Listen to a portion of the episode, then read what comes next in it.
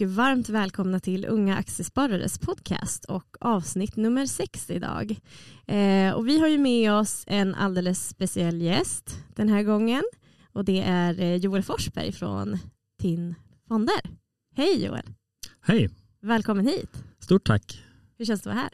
Ja, men det är ju podddebut för mig så att, eh, mm. det känns ju extra spännande och eh, otroligt proffsig studio också så att, eh, det känns som riktigt påkostat och eh, superkul. Ja men härligt. Och vi har ju faktiskt med oss ännu en till här i rummet och det är ju du Andreas, hej. Jajamän, jag fortsätter på poddspåret här och, och, och assisterar Paulina lite grann. Ja, mycket, mycket bra.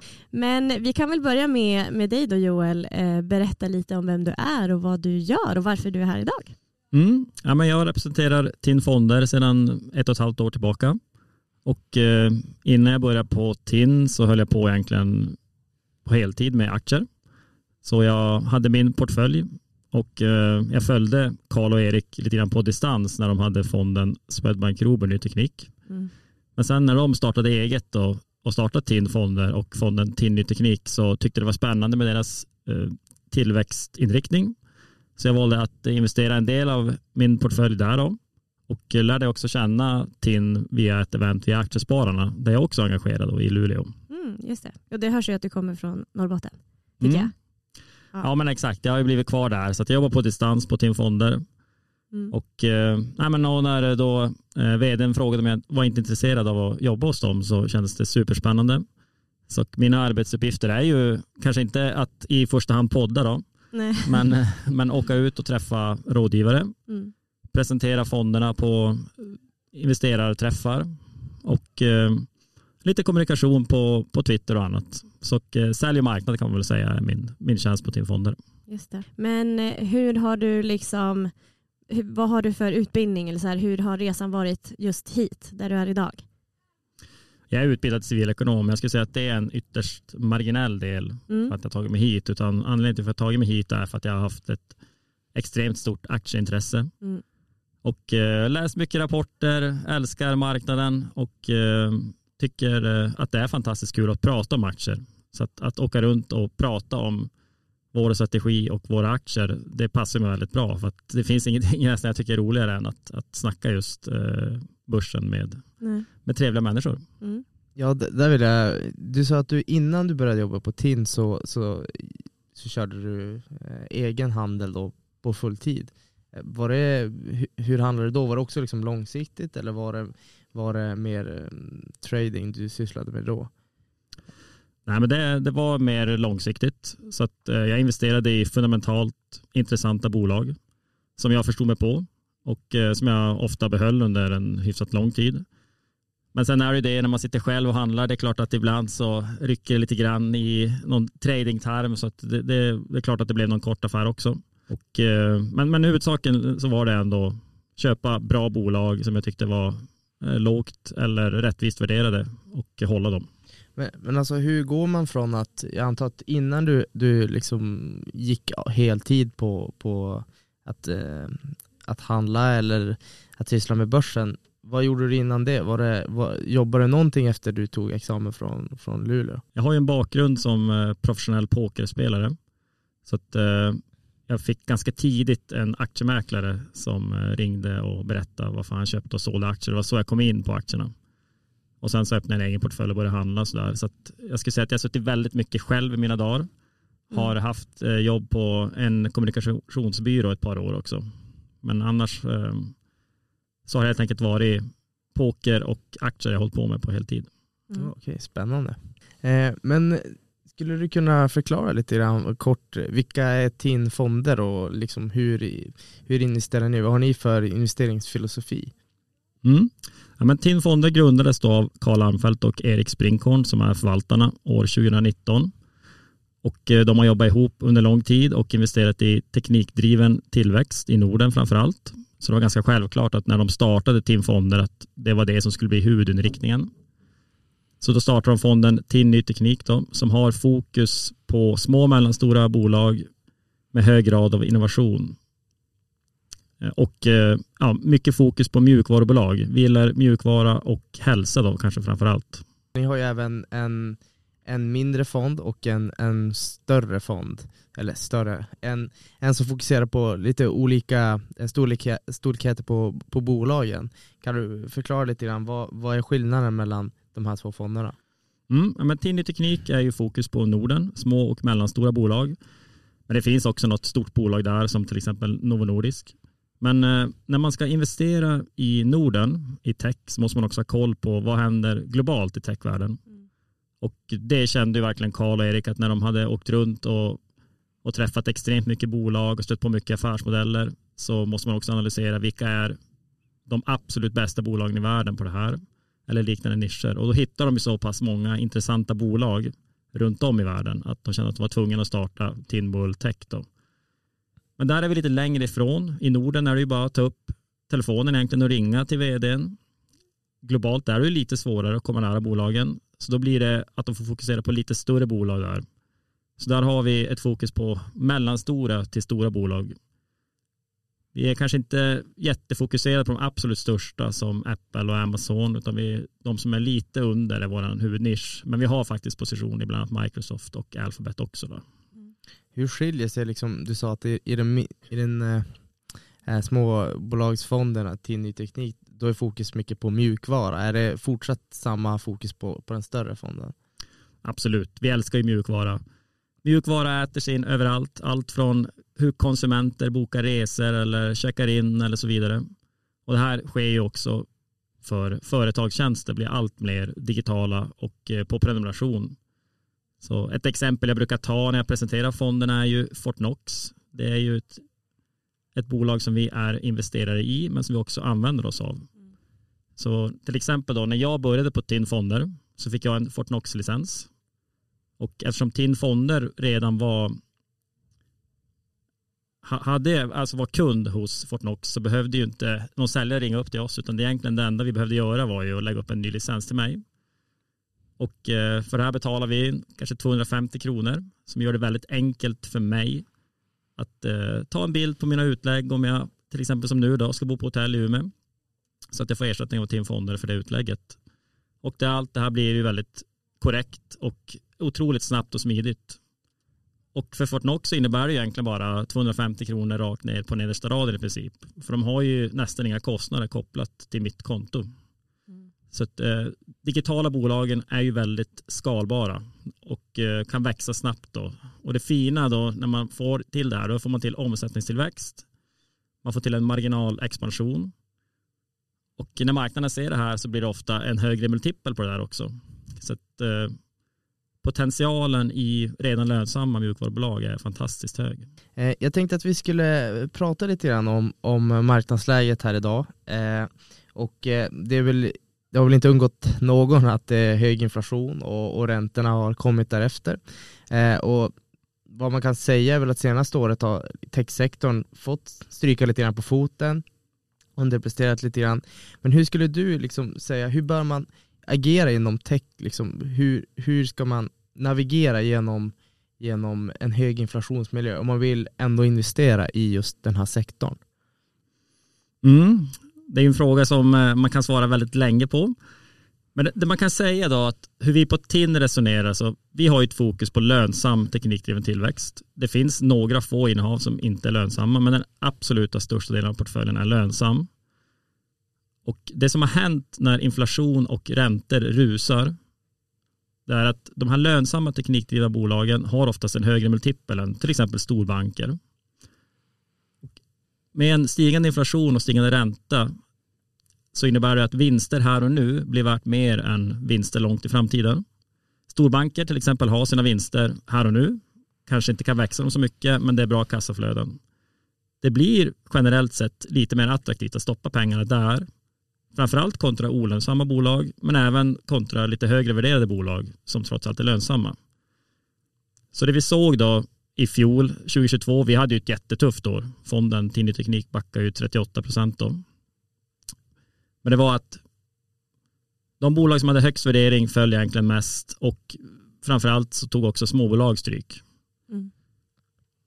Men, det som är positivt det är att techbolagen är ofta, har ofta en bra balansräkning, ofta har de nettokassa. Så till skillnad mot till exempel fastighetsbolagen så styr de sitt eget öde. De är inte beroende av att ta in nya pengar på obligationsmarknaden eller blidka bankerna. Utan det handlar helt enkelt om att fortsätta leverera kvartal in och kvartal ut så kommer det nog lösa sig. Så att, eh, där tycker jag den största skillnaden är att bolagen har ändå en bra hälsa. Värderingarna kanske var för höga och de var framförallt för höga i förhållande till nuvarande inflation och räntor. Men sen dess har vi ändå sett att vinsterna har ökat samtidigt som kurserna har fallit. Då. Så härifrån så tycker vi det ser väldigt attraktivt ut. Det är ju framförallt det där med, med lönsamheten som är eh, väldigt intressant. Alltså, hur, hur, att, att inflationen stack i fjol och, och räntorna där, med hur agerar eh, förvaltaren i en sån här situation? Det är klart att eh, man har en grund, grundidé om hur man vill styra sin portfölj, men skydda kapitalet på något sätt Eh, hur, hur tänker ni på den, på den fronten, liksom, att, att vikta om portföljen i sådana såna lägen? Ja, men det, det Carl och Erik gjorde var i slutet av 2021 egentligen så såg de tendenser till lite högre inflation. Så de gjorde då att de minskade en del av de här få bolagen som var olönsamma. Och i förmån då för att öka upp i de bolagen som har absolut bäst lönsamhet, alltså våra topp 10-innehav.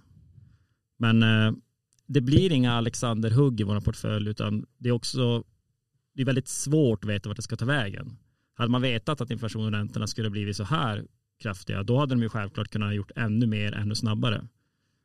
Men på marginalen så blev det lite mer fokus på lönsamhet och eh, vara ännu mer noggrann i att, eh, att investera nya, nytt kapital i, i de bolag som har absolut bäst förutsättningar att styra sitt eget öde. Skulle du säga då att liksom, ni ändå eh, tar in det här, de här, den här makroflödet som kommer ja, men vecka efter vecka, månad efter månad och, och ändå tar hänsyn till, till makroekonomin eh, Eh, i sin storhet och, och liksom sentimentet och inte bara kika på ja, bolagets fundamenta, att det är det som enbart styr hur ni placerar. Eh, är, det, är det någonting ni tar hänsyn till? Ja, ja och nej. Alltså självklart nu när räntorna rusar så är det ju extra viktigt att hålla koll på balansräkningen. Och om centralbanker skulle flagga för, på grund av exempelvis då en extremt hög inflation, att räntorna kommer höjas ännu mer, så kommer vi ju inte rusa in i ett bolag med en hög skuldsättning. Men grundidén består och den är att investera i teknikdriven tillväxt, hög lönsamhet, där vi ser att de bolag kommer, kommer kunna växa under lång tid framöver. Ja men precis. Det jag också tänkte var, Eh, alltså vi har ändå sett nu, ja men 2023, att, att eh, de här större bolagen, de man kallar big tech, fanbolagen, har, har studsat ganska kraftigt från, från att vara eh, rätt nedtryckta 2022. Men liksom, de här mindre bolagen har fortfarande underpresterat. Varför, varför tror du det är så? Mm. Ja, men det stämmer ju som du säger småbolag har haft det otroligt tufft. Och eh, det är väl egentligen svårt att säga exakt varför. Alltså de större bolagen är ju generellt sett kanske lite mer stabila i tuffa tider. Ja, men då kanske man värdesätter stabilitet lite mer än potential. Så det, det skulle absolut kunna vara en, eh, en anledning. Skulle det bli riktigt illa så vet man ändå att de stora bolagen de kommer kunna hantera det. Men alltså små bolagen kanske inte har sett någon riktigt kraftig konjunkturnedgång och, och, och det belyser väl ändå det jag kanske var inne på lite grann tidigare att det förmodligen är en stabilitetsfråga. Sen brukar ju småbolag ha det lite tuffare i sämre tider och vet man det då kanske man vill vänta med att köpa in småbolag även om man tycker att de ser attraktiva ut. Det blir lite självuppfyllande profetia. Ja, välkommen till börsen. ja, precis. Eh, nej men det där är väldigt intressant för det är just, sen ska man väl också säga att, att fangbolagen har ju, har ju fått ganska mycket luft under vingarna på grund av den här AI-hypen som har varit på senaste. Så att det spelar väl också in eh, ganska stort eh, i, i varför just eh, de större har, har stuckit iväg. Men utöver det, Karl och Erik brukar ofta liksom stoltsera med att man gör mycket bolagsbesök. Försöker göra cirka, jag tror det, ni har på hemsidan över 400 bolagsbesök per år. Eh, och då är jag väldigt intresserad, på tal om just AI, eh, hur liksom om du har någon insyn i snacket liksom kring, kring just det här äh, med ChatGPT. Är det någonting, liksom, dels de, framförallt de här mindre bolagen i er till ny teknikportfölj, är det någonting man börjar, har börjat jobba på eller implementera på något sätt i, i verksamheten? Jag kan säga att jag använder en uh, äh, ChatGPT ganska ofta när jag skriver mina artiklar och jag kan be den omformulera någon mening och sådär. Så jag tycker den är fantastisk. Det som blir mest intressant för förvaltningen det blir just nu tycker jag ett första läge det är väl att fråga alla företagsledare hur ser ni på AI? Hur kan ni jobba med det? Vad, vad är riskerna? Och så se egentligen vad, hur svarar de? Om de bara strutsar och menar på att Nej, men det här är ingenting som kommer påverka vår bransch överhuvudtaget och så vidare då tycker jag det skulle kunna vara ett litet varningstecken. Man vill ju snarare höra, precis som Fredrik Wester sa på våran investerarträff i januari, att det här är en game changer för oss, dataspelsbolaget och Paradox. De har väldigt mycket eh, dialoger och mycket texter i sina spel. Och kan en AI komma in och förändra den här dialogen, de här texterna beroende på vad som har skett i spelet, så kommer det bli mer levande för spelarna. Samtidigt som det potentiellt kommer kunna spara ganska mycket pengar för Paradox, att de inte sitter, behöver inte sitta och göra det där själv. Eh, så de menar ju på att det här är någonting som är, kan bli enormt för dem. Och man vill ju höra en vd som ändå har tagit tag och en ledning som har tänkt de här frågorna. Sen tror väl vi att, precis som du var inne på tidigare där, att det kanske är de största bolagen som ligger lite grann i förarsätet. För att kunna ha en bra AI så behövs det mycket data. Och de största bolagen de som är ledande i sin respektive nisch har ju en fördel. De har ju mest användare. De har mest data. Så att, eh, ja, men det, blir, det ska bli otroligt spännande att se vilka som blir vinnare. Det är ju inte alls säkert att det är de som är först som blir vinnarna. Det har vi ju sett med till exempel sociala medier eller smart, smarta telefoner. Apple var ju knappast först. Mm. Apple är aldrig först. Har du en eh, Samsung-kille? Nej, men det, jag har provat Samsung faktiskt, mm. men jag går tillbaka till Apple för att mm. de är överlägset bäst. Men ja. Jag, jag, tänkte på en sak, eh, ur din liksom, roll och synvinkel, kan du se något, eller finns det någon fara eller finns det något negativt med, med AIs ankomst liksom, i, i egentligen kanske man kan säga i, i aktiefondvärlden? Alltså hur kommer det påverka marknaden? Vad tänker du? Finns det några generella Finns det något som du är typ rädd för eller har du några farhågor kring AI och liksom börsen i stort? Nej, jag känner mig inte rädd. Nej. Men jag tror att det är väldigt viktigt att hänga med i utvecklingen. Mm. För det kan ju verkligen bli så att vissa bolag blir extremt stora förlorare. Mm. Vissa tjänster kanske till stor del kan eh, bytas ut och eh, man kanske bara behöver två redigerare, man kanske tidigare hade tio eller vad mm. det nu kan tänkas vara. Mm. Om det blir så, det har jag ingen aning om. Men jag mm. tror det är viktigt att hålla ögon och öron öppna och hänga med i utvecklingen. Mm.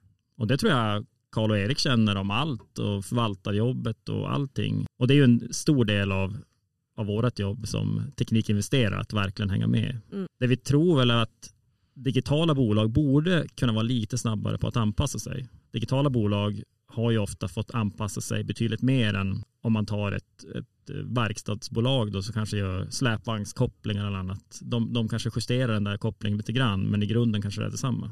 Mm. Ett teknikbolag kan ju ett skifte komma ganska snabbt som gör att man måste ställa om hela affärsmodellen. Mm. Ja, det jag tänkte också på det är väl egentligen att ta, ta vid på AI-språnget här men teknologisektorn var ju under 2010 eh, om man kan kalla det 10-talet nu för tiden eh, var ju verkligen stekhet. Eh, och som du nämnde där med Swedbank, Robur Ny Teknik, deras eh, Karl och Eriks tidigare fond, så tror jag de presterade åtminstone över 20% i årlig avkastning i, eh, över hela det här eh, årtiondet. Eh, och då undrar jag, hur tror du liksom de nästkommande tio åren eh, kommer se ut för teknologisektorn och vad är det som ska liksom driva, driva utvecklingen framåt för att de nästkommande tio åren ska vara kanske till och med bättre än de som, som var. Ja, det är intressant att du nämner siffran 20 procent per år. För att om man tar Karl och Eriks portfölj på Swedbank Robur och TIN-tiden så har i snitt bolagen som de investerat i ökat sina vinster med 20 procent per år. Och kan man fortsätta att hitta bolag som ökar vinsterna med 20 procent per år över tid så blir avkastningen ungefär 20 procent per år. Självklart är det på kort sikt väldigt viktigt vilken kurs du köper in bolaget till. Men ser man på en tioårsperiod då är det absolut viktigaste att hitta bolagen som växer sina vinster. Så att det som krävs är ju att bolagen fortsätter vara innovativa, fortsätter sälja bra, slipa på sina affärsmodeller och allting sånt där som gör att de kan fortsätta växa. Kan de det så finns ju alla förutsättningar att skapa bra avkastningar framöver. Men det är ju inte bara att hitta bolag som, som kan öka vinsterna med 20 procent per år. Det, det, är ju det svåra och utmaningen. Det är ju egentligen mycket, mycket många menar att just eh, att det har gått så bra i teknologisektorn är, är just på grund av att vi har haft väldigt låga räntor som har drivit på det här att, man, att mycket kapital flyttas ut längre ut på riskskalan. Eh, nu när å andra sidan kapitalet flyttas liksom längre in på riskskalan. Att räntefonder börjar bli eh, attraktiva och, och TINA is no more. Eh, hur kommer det, tror du, påverka eh, er avkastning i era fonder framöver? Ja, men just det tror jag inte påverkar vår avkastning överhuvudtaget egentligen. Så länge bolagen fortsätter leverera. Men det är klart att börjar bola, bolagen, de tappar sin kraft i vinsttillväxten, så att det går från 20 procent till 8 procent per år, ja, men då kanske det är den långsiktiga avkastning man kan tänkas få. Och just nu får du 8 procent i räntefonderna. Och, och då blir det ju kanske mer attraktivt att stoppa in pengarna där eftersom risken då rimligtvis bör vara lägre där. Så allt kokar väl ändå tillbaka till det här att kan de hitta bolagen som kan fortsätta växa? Och där tycker vi att vi har intressanta sektorer, digitala varumärken, mjukvara och medicinteknik. Egentligen ett fokus på hälsa kan man säga istället för medicinteknik. Och eh, det här är sektorer som växer snabbare än både börsen och ekonomin som helhet. Och eftersom vi då lägger fokuset där så tycker vi att vi har goda chanser att hitta de bästa bolagen som, som då ska klara av den här vinsttillväxten. Men kan man säga då att eh, just det om inte, eh, för du pratade tidigare om, om att många av era bolag har låg skuldsättning, då borde inte räntan spela så stor roll just för affären i de här teknologibolagen. Även fast kanske eh, det blir mindre flöde in i aktierna på grund av att riskerna är, eh, ja, folk inte vill ta lika mycket risk. Skulle du säga då att liksom, det vi såg 2020 och, och halva delen av 2021 var någon slags overshoot på, på, på värderingarna i de här bolagen. Du köpte Ehm, de här vinsttillväxten som du pratar om, 20% till ett för högt pris. Och det är därför vi har fått den här eh, nedgången som vi såg 2022, 2022 också då eller? Ja, nej men med facit i hand var det absolut så. Men det vi inte hade facit på, det var ju inflationen och räntorna. Alltså om räntan skulle vara på, kanske inte noll, men säg en procentenhet. Det är klart att då kan man betala en betydligt högre multipel än om den är nu då som eh, tre plus att man kanske vill ha en högre riskjusterad avkastning då, då, blir det som ännu högre avkastningskrav och det förändrar ju en hel del. Så att med facit i hand med de här räntorna så absolut var det för höga värderingar. Vi tyckte väl i höstas, kanske lite tidigare än i höstas till och med att värderingarna var för låga också på teknikdriven tillväxt. Och det är också klassiskt börsen. Det är ju sällan det är rimligt värderat utan det är ofta börsen går ju ner 20 procent eller upp 30 procent. Man brukar ju prata om att börsen ger 8 procent per år. Det är ändå ganska sällan man får de här 8 procenten utan man får ju, ja jag vet inte, hoppa naken i glädje eh, i, i, badet vissa, vissa år medan andra år så nu har inte jag något hår kvar men de som har det får ju slita det. Eh, för det, det, är, det är ju upp och ner. Mm. Mm, ja men verkligen. Eh, jag tänkte vi kunde prata lite om, eh, lite mer specifikt på era bolag och där eh, kom ju Embracer Group idag med en rapport i deras Q4 med en, efter en vinstvarning för, jag tror det var förra veckan. Eh, och där, jag tror de, de hade en organisk tillväxt på minus 4%. Eh, även om, om nettoomsättningen växte 79%. Eh, detta, det här är ert andra största bolag, bolag i, till ny teknik. Eh, och nu när under 2020 och de här åren när vi hade låga räntor kunde de ju för använda sin, man brukade prata mycket om att de använder sin aktie som en valuta för att köpa upp de här mindre spelstudierna och på ett sätt göra då ett arbitrage mellan börsens värdering och eh, de här onoterade spelstudiernas värdering. Eh, hur ser ni nu på Embracer när den här eh, arbitraget inte är lika lätt att göra i och med dagens förändrade sentiment? Mm, jag skulle kanske inte använda ordet arbitrage. Vi tycker att eh, Embracer eller THQ som de hette från ursprungligen eh, med entreprenören Lars Wingefors eh, som styr den där skutan har över tid byggt en väldigt intressant och diversifierad spelportfölj. Allt från dataspel till mobilspel och här sista tiden också lagt till ett stort ben i brädspel. Så att, eh, men självklart så har det ju förändrats nu. Pengar är ju tuffare att få in. Tidigare kunde de ju finansiera sig genom riktade emissioner. De kunde också låna väldigt billigt om de ville. Nu har vi haft en lite tuffare konsumentmarknad som gjort att man kanske inte lägger riktigt lika mycket pengar på spel. Framförallt mobilspelen har tagit en smäll. Jag tror att Embracer kommer fokusera lite mer på den portfölj de redan äger snarare än gör förvärv nu. Det som hände i den här rapporten, siffrorna i sig var väl kanske lite sämre än man hade önskat. Men det som det framförallt, den faller ju väldigt mycket idag kursen kan vi säga. Den är ju back 43 procent tror jag sist jag tittade. Det var ju framförallt på att Lars har ju lovat, eller indikerat åtminstone, att de ska skriva ett avtal med en jätte som ska finansiera en stor del av spelutvecklingen. Och, eh, nu visar det sig i natt att det som Embracer var ganska säkra på skulle ske, att de skulle kunna signera avtalet. Det blev helt enkelt inte av. Och eh, en bedrövad eh, Lars Wingefors berättade ju i en intervju med Dagens Industri i morse att eh, det här var ju någonting som han blev ganska förvånad över att det skedde. De hade ju räknat med det här avtalet och så även marknaden. Och det som händer när ett bolag har varit väldigt omtyckt och man har trott på visionen och så helt plötsligt kommer det några bakslag. Det är att marknaden börjar tveka på om Lars Wingefors är på riktigt eller om det bara var en vision. Och eh, vi har ju en, en, stark tro på Lars att han kommer att leverera värde över tid. Men självklart är det ju så att det här var en smäll för alla aktieägare och även för oss på Tim Fonder. Och vi hade ju inte räknat med att, att han inte skulle kunna ro det här i hamn.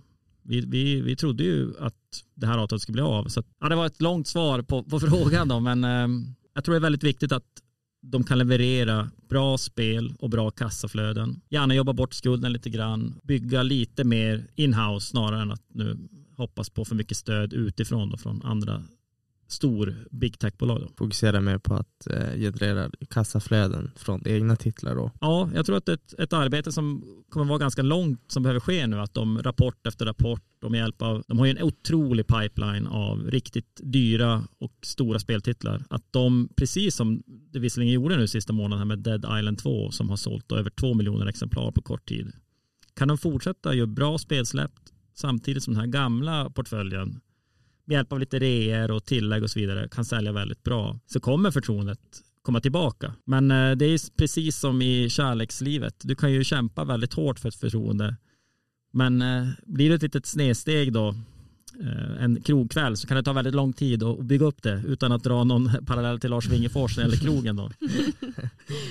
Men det är lite det som är problemet nu. Det är, en, det är en förtroendekris för bolaget. Men det där tycker jag är jätteintressant. För jag som då kommer ur ett mer så här humanistiskt eh, humaniora och liksom det perspektivet. Eh, för mig är ju mm, aktier och fonder överlag och börsen ofta kopplat till liksom mina värderingar och så här mjukare värden.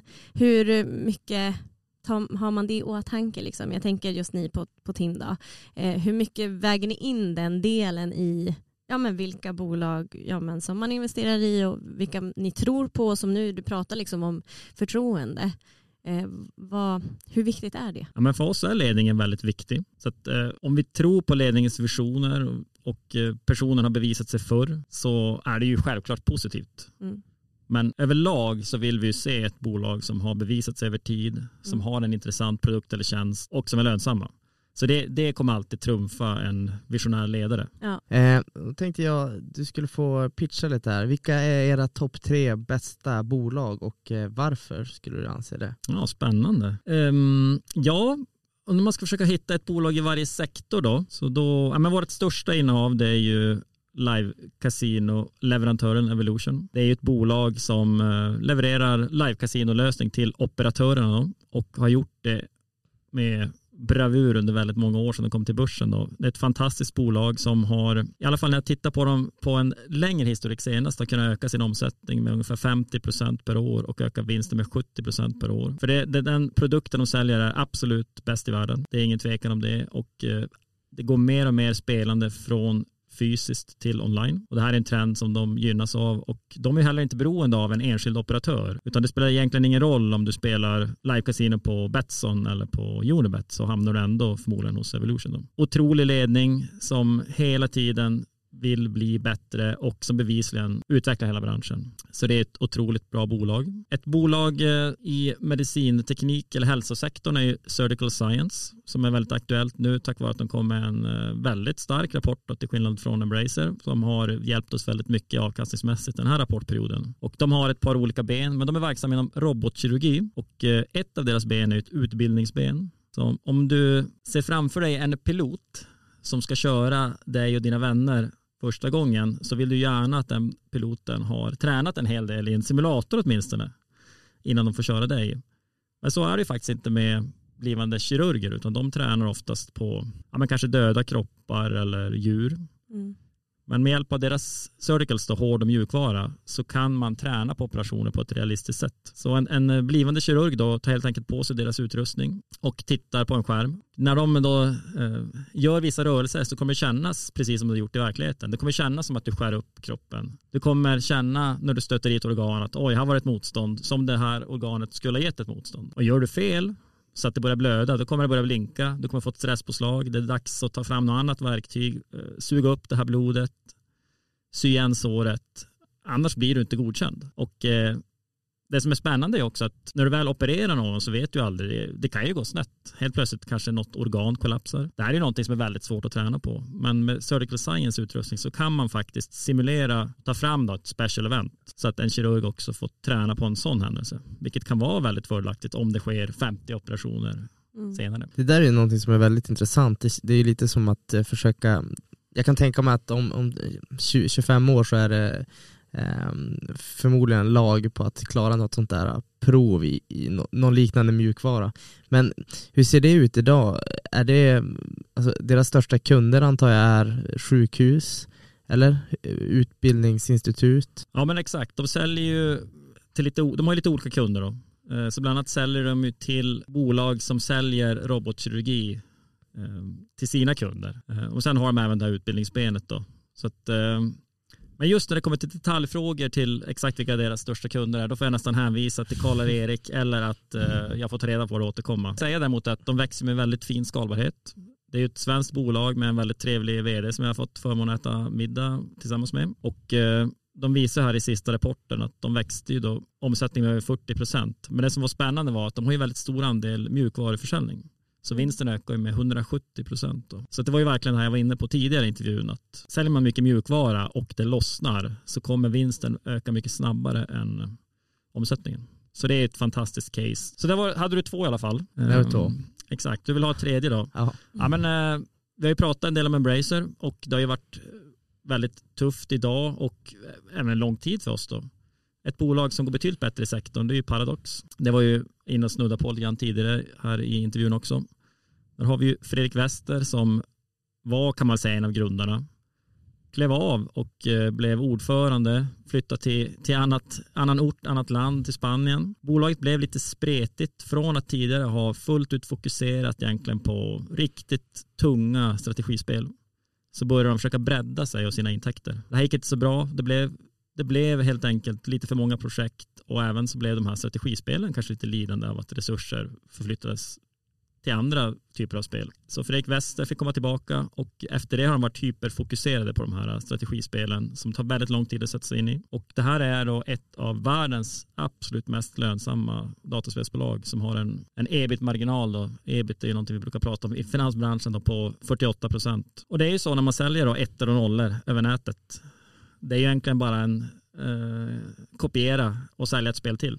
Förr i tiden var vi tvungna att skicka CD-skivor, det var innan eran tid, men jag minns det här. Eh, skicka skivorna till eh, en dataspelsbutik som då kanske i sin tur skulle ha 50 procent. Eh, nu är det ju bara att ladda hem dem då. Eh, tyvärr betalar de en ganska hög kostnad fortfarande till plattformar som Steam då, men eh, annars är det ju exceptionellt skalbart. När vi är ändå inne på, på spelbolag, vad, vad, jag, jag är en som har eh, eh spelat mycket GTA i mina dagar och där har ni, äger ni även Take-Two Interactive. Vad, eh, när tror du de släpper deras nästa GTA 6?